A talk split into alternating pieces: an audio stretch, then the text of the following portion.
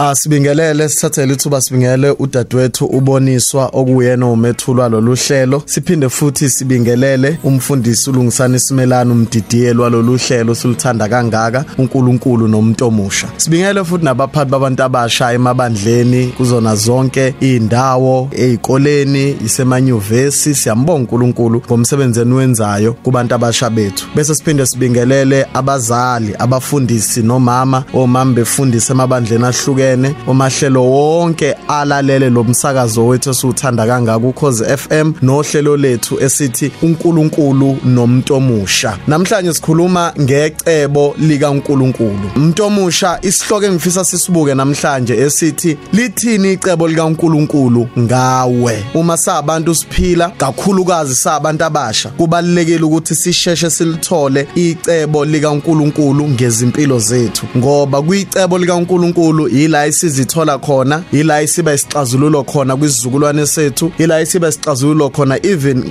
la isiba isixazululo khona ngisho nakuhulumeni wethu nasesikhathini esiphila kusona naseyinhlakene ezihlukene esikuzo. Njengabantwana bakaNkulunkulu ke silindelekile ukuthi ubunjalo bethu busize isikhathi nabantu esiphila nabo. Intshumayelo yethu ke namhlanje njoba sithi liyini icebo likaNkulunkulu ngawe sihlwanisa igaba ezintathu sinembuzo emithathu umuntu omusha esizoyiphendula ngezwi likaNkulunkulu namhlanje. Okokuqala sizobuza ukuthi liyini icebo likaNkulunkulu ngomuntu? Uma ufunda incwadi yamahubo chapter number 8 uqala ku verse number 4 kufundeka kanje. Umuntu yini ukuba umkhumbule nendodana yomuntu ukuba uyinake na? Lithi zilenkosi wamenza waba ngaphansana kukaNkulunkulu wamqhelisa ngenkazimulo nangobukhosi wamenza abe ngumbusi phezukwemisebenzi yezandla zakho konke wakubeka ngaphansi kwezinyawo zakhe. Na impendulo yokuqala mlaleli mntomusha ekhaya ukuthi liyini icebo likaNkuluNkulu ngomuntu? uNkulunkulu wamenza umuntu ukuthi abe umbusi la emhlabeni.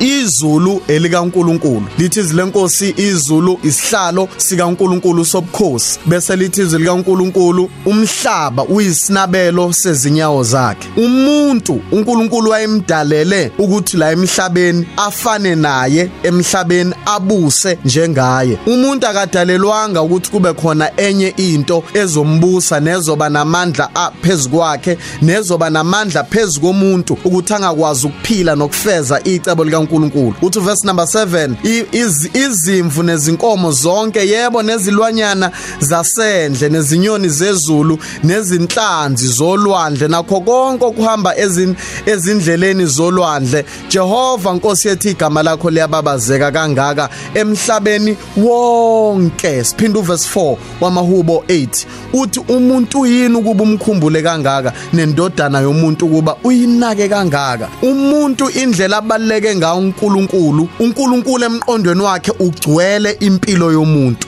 Wayihlele impilo yomuntu uNkulunkulu wayenza ngalendlela ukuthi ilungele ukuthi ibe la emhlabeni iveze izithelo ezithile. Impilo yomuntu iqhubeke ingami ndawonye kodwa kube khona izinto ezintshe ezenzakalayo njalo empilweni yakhe. Yilona cebo likaNkulunkulu ngempilo yomuntu. Ngokujwayelekile. Akekho umuntu oyedalela ukuthi uyohlupheka azafe akekho umuntu oyedalela ukuthi uyophila esoneni aze afe. Akekho umuntu oyedalela ukuthi uyophilela inyembezi impilo yakhe ingashintshi ingaguquki. Kodwa lithi zikaNkulunkulu umuntu wamenza ukuthi wamenza uNkulunkulu umuntu ukuthi abe ngaphansana kukaNkulunkulu. Okusho ukuthi ngokohlelo lokubusa ophezulu uNkulunkulu olandelayo umuntu. Mntomusha ekhaya sifisa wazi ukuthi uNkulunkulu ukunikezela wamandla nogcobo okubusa. Yingakho kunezimo othi mawubhekana nazo uzwa ingqondo yakho nomoya wakho nomphefumulo wakho uyinqaba lezinto yingoba vela udalelwanga ukuthi uphile leyo mpilo engaphansi kwecebo likaNkulunkulu. Umbuzo wesibili mntomusha ekhaya sowuphendula ngaphansi kwalesi sihloko esithi liyini icebo likaNkulunkulu ngomuntu? Umbuzo wesibili uzothi liyini icebo likaNkulunkulu ngomuntu omusha? Incwadi yamahubo chapter number 127 uverse number 4 wakhona. Lithi zilenkosi njengemcibisholo esandleni seqhawe banjalo abantwana bobusha. Abantu abasha bafaniswa nomcibisholo esandleni seqhawe. Okusho ukuthi umuntu omusha uNkulunkulu umethemba ithembile uma efuna ukuletha ushintsho ngayo. Laba bangawazi umcibisholo umcibisholo ezinye zeyikhali eziphathwa amaqhawe uma ezoyempini noma ephathwa abantu mabezo ukuyozingela laba bazingela abayi basiphatha lolu hlobo lesikhali basidonsa basidedele benethemba ukuthi umcibisholo uzofika la khona yena engafikanga khona. Incwadi la isifunda khona iveza ukuthi umuntu omusha unamandla unogcobo uneziphiwo ezinjalo zokufinyelela la khona abadala bethu bengafinyelelanga khona. Zokufinyelela la khona abahola bangaphambili kwethu bengafinyelelanga khona. Zokufinyelela la khona abahambe ngaphambili kwethu bengafinyelelanga khona. Umuntu omusha ekhaya nje obungilalele uNkulunkulu unecebo ngempilo yakho. Unecebo lokuthi uthathe umndeni wakho uyise la ungafinyelelanga khona. Unecebo lokuthi uthathe ikhampani okuyona noma inkampani okuyo iye la ungafinyelelanga khona. Ibandla okhonza kulona liye la la abaholi balo bengafinyelelanga khona ngoba wena ungumcibisholo esandleni seqhawe. Encwadini kaJeremiah chapter number 1 uverse number 5 siphendula umbuzo manje wesibili othi liyini icebo likaNkuluNkulu ngomuntu omusha? uNkulunkulu ukhuluma noJeremiah. uJeremiah kuthiwa wayeneminyaka ewu16 ishumi nesithupha eyijongo nje. Uverse number 5 uthi uthi uNkulunkulu mayekhuluma noJeremiah uthi ngingakakubumbi esiswini ngakwazi. Umama wakhe engakezwa ukuthi khona okuhleli esiswini sami. Mina uNkulunkulu ngangisengikwazi. Umuntu omusha ekhazi ngifisa wazi ukuthi uNkulunkulu uyakwazi uNkulunkulu wakwazi noma watholakala ngaluphi uhlelo noma watholakala ngaphandle komshado noma watholakala ubaba wakhe umazi umama wakhe umazi kodwa ngifisa ukusho ukuthi uNkulunkulu unecebo ngempilo yakho uthi uNkulunkulu ngakwazi. Uphinde uthi uNkulunkulu ungakaphuma esizalweni ngakungcwelisa. uNkulunkulu waqiniseka ukuthi uNkulunkulu uyakungcwelisa ungakafiki kulomhlaba wakungcwelisa izona ungakangeni kuzo. Wakungcwelisa izimo ungakayifaki kuzo nezona ungakangeni kuzo. Ukuze ngabi khona sono esizokuvimba ukuthi icebo likaNkulunkulu lifezeke ngawo. Umuntu omusha ekhaya as, asikho isono nesimo nenhlamba nanoma yini ebekwa egameni lakho engavimba ukufezeka kwecebo likaNkulunkulu ngawo. Uthi uNkulunkulu ungakaphumi ngakungcwelisa ngakuhlukanisa ngakubeka umprofeti ezizweni. Umprofeti esizukulwaneni sakho umprofeti emndenini wakho umprofeti ebandleni okulona umprofeti kwizizukulwane ophila kusona kunezimo oyibonayo nawe ezikushayisa ngamahloni.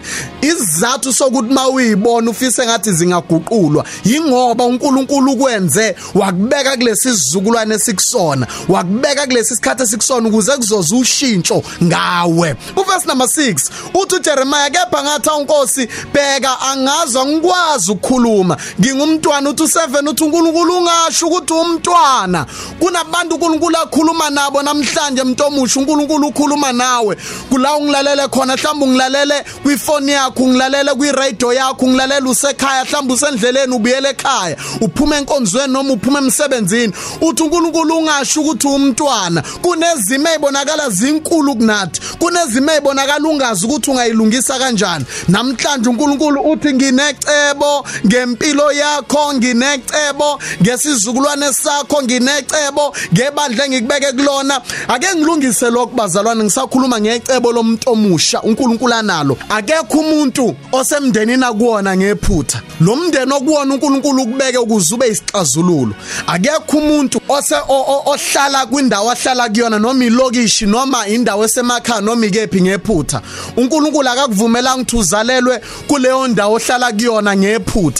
uNkulunkulu ukubeke kuleyo ndawo ngoba uyazi ukuthi kunento ayibekile kuwena. uNkulunkulu uthembe ugcobo namandla necebo alibekile phakathi kuwena uthi uNkulunkulu kuJeremiah ungasho ukuthi ungumntwana ngokuba ngiyakuthuma uyakubona labantu verse number 8 uthi ungesabi ngokuba nginawe ukuba ngephu ngikophule. Uthi nginawe ukuba ngikusindise nginawe izimo obhekana nazo ngikhuluma nomuntu omusha. Omusha usamba usanda kuqala enyuvesi usanda kuqala umsebenzi omusha uzama ukuhlanganisa impilo yakhe akazi ukuthi noma kuzolunga yini. Ngizokutshela ngizokubuyisela ithemba kuwena ukuthi icebo likaNkuluNkulu ngawe ngeke lize livinjwe umuntu. Uthi uNkulunkulu ungasabi nginawe. Uthi uNkulunkulu nginawe. Noma izimo oyibonayo zindala kunawe ukhondolo lakini liyakuvimba uthi uNkulunkulu ngizoliqashula lolo khondolo. Izimo ezindala kunawo kwesinye isikhathi kwesinye isikhathi sisiboniswa kunezikhathi la khona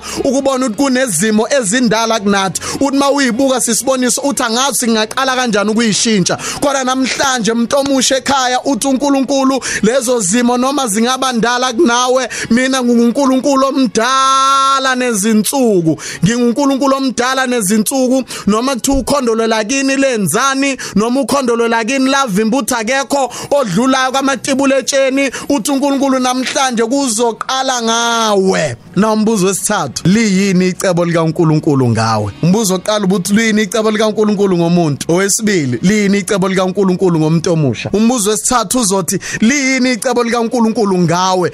Kulesi sikhathi ngoba uNkulunkulu usibeke kulesi sikhathi. Uma nisibona bazalwane uma nisibona lesi sikhathi bantu abasha ukuthi sinjani akusona isikhathi sokudlala lesi.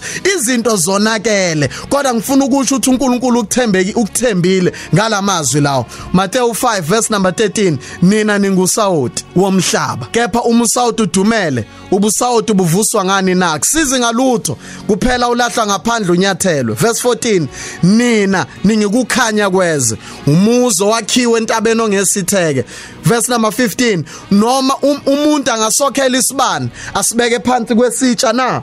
Kodwa usifaka othini? Khona sibakhanyisele bonke abantu endlini. Uthi verse 16 kanjalo makukhanya ukukhanya kwenu phambi kwabantu. Mababone imisebenzi yeni emihle bamdumise uNkulunkulu. Liyini icebo likaNkulunkulu ngawe kulesi sikhathi? Lesi sikhathi ithemba lingekho lesi sikhathi abantu bengazazi lesi sikhathi la khona kubona ngingabonakala ukuthi kusasa lizobe linjani la abantu bengenathemba ukuthi kusasa kuzosa kunjani. Liyini icebo likaNkulunkulu ngawe umuntu omusha kulesi sikhathi. Uthi uJesu kokuqala usawoti tomusha ekhaya usawoti ezinye zeyithako ukuthi makuzophekwa ukudla asinamsindo lesi sithako. Uma usifake nje ekudleni. Uthi uNkulunkulu usawoti mawusifake ekudleni sishintsha ubumnandi ubumnandi bube buhle kakhulu bube mnandi ukudla. Usawoti ezinye zeyithako umama ukufaka ufaka kancane kodwa kushintsha yonke into ekudleni asuke kupheka. Na uNkulunkulu uthi usawoti mhlawumbe isimo ozalwele kusona nokhulele kusona akekho umuntu ophuma kusona. Oh nkosi yami kodwa ngizothi uthi uNkulunkulu wena usawoti okwesibili usawoti usetshenziswa emakhaya. Thina usawoti siusebenzisa uma isikhumba sifuna masifuna singonakala uNkulunkulu uthi usawoti kulesi sikhathi kunezinto engeke zonakale ngenxa yakho. Ngizobuyisela ithemba ukuthi uNkulunkulu kulesi sikhathi ukwenze usawoti ungavuma abanye abantu abasha bafe ukhona. Akungabi khona omunye umuntu omusha ofa ukhona. Thana khomnto omusha ozofa ngikhona. Ngoba mina ngusawoti wezwe. Okwesibili wathi uJesu ukukhanya kwezwe. Wathi ukukhanya kwezwe. Uma kumnyama ezweni noma kumnyama endlini yakho uma uletha ukukhanya ukhanyisa ukukhanya. Ukukhanya akulwi nobumnyama awuzwa msindo. Kodwa ukuvela nje kokukhanya hawu nkosi yami make kwavela nje ukukhanya ubumnyama buyabaleka. Ngizothi kwana umuntu omusha vela. Ngizothi kuwena kule minyango isaba ukuthi mhlambe ngeke ivuleke ngizothi vela. Ngizothi kulezimo ezicindezela izikubuyisela phansi nezinhlamba abantu bekutshela ngezolo lakho bekutshela na ukuthi wazalwa kanjani. Ungakhathazeki wena vela. uNkulunkulu uthe wena ukukhanya awusikona ukukhanya nje komndeni wakho uthi uNkulunkulu ukukhanya kwezwe. Ngawe kunabantu abazothokoza ngawe kunabantu impilo zabo ezizoguqulwa okwesithathu uthi uNkulunkulu umuzi owakhiwe entabeni. Elesizulu ke lithi umuzi kodwa leli gama elithi umuzi igama eligoqa yonke into. Akukhulunywa ngendlu nje la kukhulunywa ngedolobha. Uma lithi izilenkosi umuzi owakhiwe entabeni. Okusho ukuthi uNkulunkulu ukubeka esigabeni la khona ungeke usafihleka. Nkosi yami khona abantu engikhuluma nabo la khona ungeke usafihleka khona. Umuntu ongaba isibonelo kahle umuntu omusha ongaba isibonelo kahle sesikhuleka umuntu omusha sisiboniswa sesikhuleka. Namhlanje umuntu ongaba isibonelo kahle kusale ntshumayelo yami umuntu omusha okuthiwa uJoseph. uJoseph waba usawoti emndenini wakhe. Lithi izilenkosi wabona ibonakaliso bathi yini lo uzosiphatha ngelinye ilanga? Kodwa ubusawoti bakhe abuzange buze bushintshe. Wafakwa ejele kunomuntu omusha ongilalela osejele njengamanje. Kunomuntu omusha ongilalela uhamba itrial njengamanje. Kunomuntu omusha ongilalela uhamba icala njengamanje. Kunomuntu omusha ongilalele isimo sakhe akasazi sophelelapho kodwa ngiyakutshela njengoJoseph ubusawoti bakho ngeke buze buphele ubusawoti bakho ngeke buqedwe isimo odlula kusona. uJoseph wathi esejele waba ukukhanya oh haleluya waba ukukhanya uJoseph.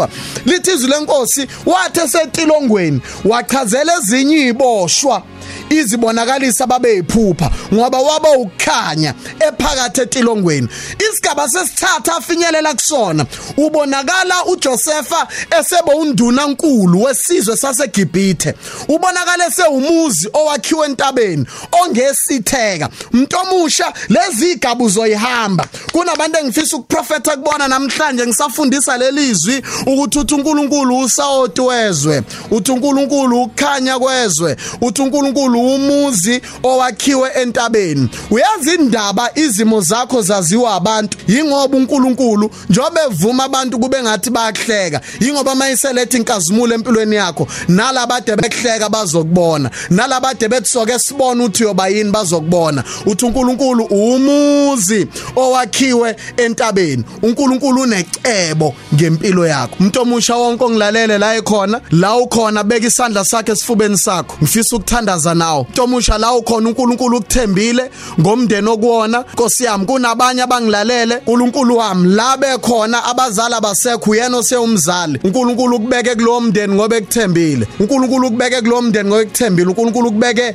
kulowo mphakathi ngoba ekuthembile. Beka isandla sakhe esifubeni sakho. Njoba ngizothandaza nawe kunogcobo oluphuma ngomsakazo njengamanje. Sisiboniswa kunamandla engwazwayo la e-studio. Lamandla azothinta umlaleli umuntu omusha elalele la ekhona. Kunomuntu omusha othi ngisangaba ushintsho nginje. Uthi uNkulunkulu yebo usangaba ushintsho. Kunemoto esetshenziswayo ukudonsa ezinye izimoto ezisuke ilimele leyo moto ayifani nezinye imoto kuke kuthathwa yona lesilimele ilungiswe ifakwa amandla bese ibuye liyodonsa ezinye lezi ezilimele kuthi uNkulunkulu namhlanje ebusuku umuntu omusha ukuthi usulimale kangakanani akuvimba ukuthi ngisangakusebenzisa. Uzokwazi ukubasiza impela ngoba uyakwazi ukulimala abadlule kubona. Sengiyathandaza manje. Babe egameni lika Jesu Kristu waseNazaretha. Loya muntu omusha loya naloya muntu omusha la bekhona. uNkulunkulu wethu ongcwele isandla sakhe asifinyeziwe ukuthi singabasindisa. Isandla sakhe asifinyeziwe ukuthi singabasindisa. Qala okusha empilweni zabo guqula impilo zabo emndenini wabo emphakathini abakuwona emabandleni abakuwona einkampanini abasebenza kuzo izwe lakithi lilindele abantu abasha bazovela. uNkulunkulu wethu ongcwele ngiyathandaza. Besalalele lolu hlelo likaNkulunkulu nomuntu omusha. Amandla kamoya engcwele wabathinte la bekhona aqala izinto ezintsha empilweni zabo ngegama lika Jesu Kristu waseNazaretha. Singinikeza udumo Nkosi nezibongo zonke ngoJesu Kristu inkosi yethu. Amen.